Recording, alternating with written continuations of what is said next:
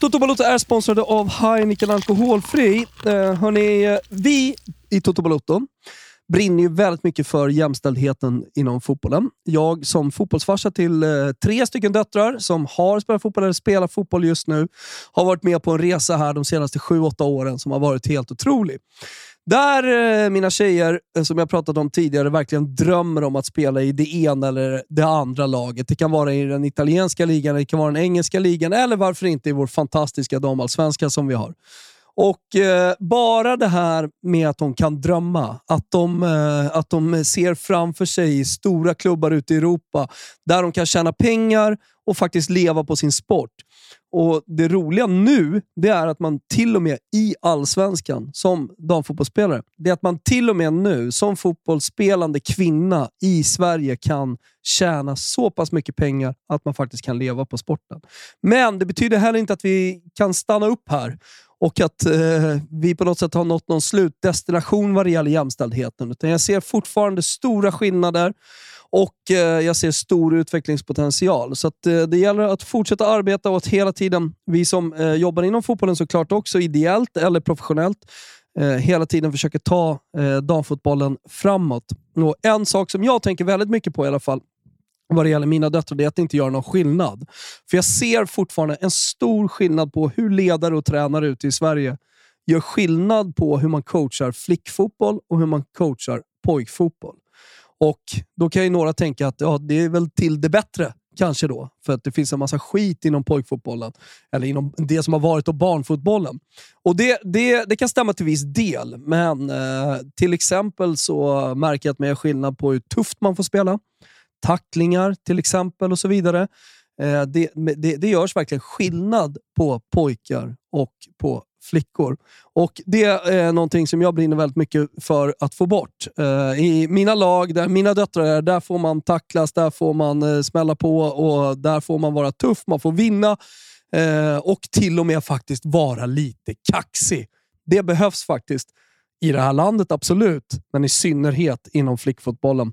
Så att eh, vi brinner för jämställdhet tillsammans med Heineken Alkoholfri och är väldigt glada för detta samarbete. Cheers to all fans säger vi och glöm aldrig bort att fotbollen är till för alla. Det gäller att inkludera alla oavsett vilket kön du har. Stort tack till Heineken Alkoholfri som vill lyfta jämställdheten inom fotbollen tillsammans med oss. Vi ser också fram emot en härlig fotbollssäsong där Heineken 00 alltså även är med och sponsrar både damernas och herrarnas Champions League.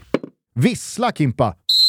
Var börjar man ens efter en helg som denna? Är det kanske ändå i Spanien, så liksom sparar vi krutet. Ja, men så får det nog ändå bli. För på den enligt vissa ganska pittiga Iberiska halvön så bjöd Real Madrid tillbaka efter Barcelonas förlust mot Almeria genom att tappa två poäng på Benito Villamarin. Okej, okay, Real Betis är Real Betis, men har man tänkt att försvara ligatiteln så kan man inte släppa upp Barca nio poäng ovanför sig i tabellen. El Clasico i ligaspelet om knappt två veckor. Spänningen? Frågetecken sisådär va? Under toppduon så var det proppen ur för Atleti när ett håglöst Sevilla gästade huvudstaden. 6-1 till de rödvita. Memphis Depay och Antoine Griezmann passar varandra som chilinötter passar med blaskig lager. Som en jävla dröm alltså. Hörde vi Glow Up Atleti för några veckor sedan i Toto Balutto?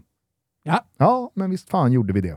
Real Sociedad Champions chokar nog fan i år igen. Villarreal lyfter med Gerard Moreno tillbaka på topp och Valencia är efter förlusten på Camp Nou tillbaka på 19 plats under strecket. Men det är faktiskt en bisarrt jämn La Liga vad gäller nedflyttningsstriden. Valencia är alltså näst sist på 23 pinnar. Athletic Club har hugg på Europaspel blott 10 poäng ovanför och däremellan ryms tvåsiffrigt antal lag. Från Spanien genom Frankrike och upp till Tyskland via pitstoppet REM. Ni vet succégänget REM med eh, Folarin Balogan på topp och Will Still på tränarbänken. Ja, du minns? Ja, de. Ny seger igår och matchhjälte blev ingen mindre än Jensa Kajust efter att han mörsat bolluslingen ribba in från distans i den 95 minuten. Janne, vi är med va? Kylian Mbappé är nu efter 4-2 mot Nantes ensam meste målskytt i PSGs historia och det var, som det så fint brukar heta när det kommer till Ligue 1, det. Mm. I Deutschland ser nu ordningen ut att vara återställd där uppe i toppen av Bundesliga. Det ska inte vara något jävla trams med Freiburg och Union Berlin och Leipzig får helt enkelt förlika sig med att bucklor, det är för andra klubbar. Den där silverbrickan ska stå mellan Bayern och Dortmund och så är det med den saken. Vi noterar att Schalke dödssprattlar från nedflyttningsplats via andra raka segern och att Wilburs allra svajigaste supportermässiga sommarfling Augsburg piskade på Werder Bremen. Det tar vi också med oss som en liten bonus. Hauersfau! Jo, tackar som frågar. 3-0 mot Nürnberg och fortsatt Zweiteplats i Zweite. Tschüss. Hörni, vi tar oss till Italien, för där hände något så ovanligt den här helgen som att Napoli förlorade en fotbollsmatch i Neapel. Flaxiga, ofräscha och halvröviga jävla Lazio åkte till Maradona och gjorde en jävla kanonmatch. Och ja, då visste man ju vartåt den här jävla omgången barkade, men ser du fel har man ibland!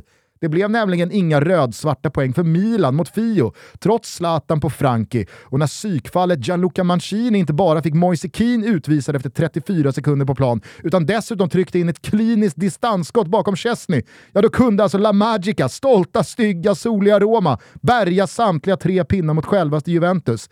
Inters plättlätta seger på treans växel mot Lecce är bara att hacka i sig. Man kan inte få allt där uppe i Champions-racet. Och på tal om just det, arrivederci Atalanta Atalanta efter 0-0 hemma mot Udinese och efter samma siffror, 0-0 hemma mot Salernitana, tycker jag nog också att vi kan allt ta avsked av Sampdoria va? Mm. Ciao! Ciao.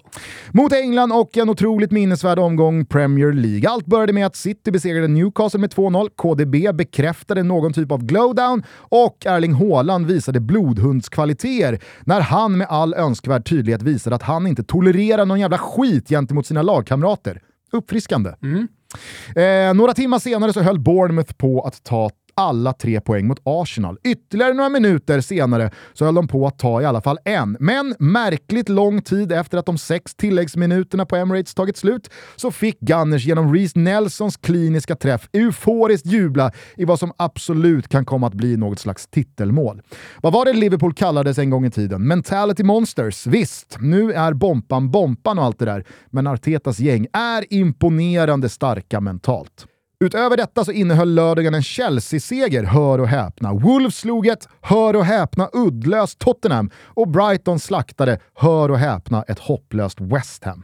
Helgen avslutades dock med en historisk match på Anfield mellan värsta rivalerna Liverpool och Manchester United. Detta så håsade, hyllade och av Toto Balotto prisade Manchester United med världens för tillfället kanske bästa spelare Marcus Rashford i spetsen. Det var upplagt för ännu en spik i Liverpool-kistan, ännu ett på fel sätt minnesvärt kapitel i en på många andra sätt och vis miserabel säsong. Det blev något helt annat. I 43 minuter var det i och för sig anyone's game, men sen gjorde Cody Gakpo, min jävla gubbe Cody Gakpo, 1-0 och efter ett tidigt 2-0 i den andra halvleken så var det som att 10 månaders frustration och blue balls till slut fick sin utlösning. Ejakulationen ville aldrig ta slut. 2-0 blev 3-0. Salah gjorde vad han ville igen. Darwin Nunez hade marginalerna med sig och till slut så kunde även Roberto Firmino hoppa in och göra mål. Som för att verkligen understryka att det här fortfarande är det där Liverpool.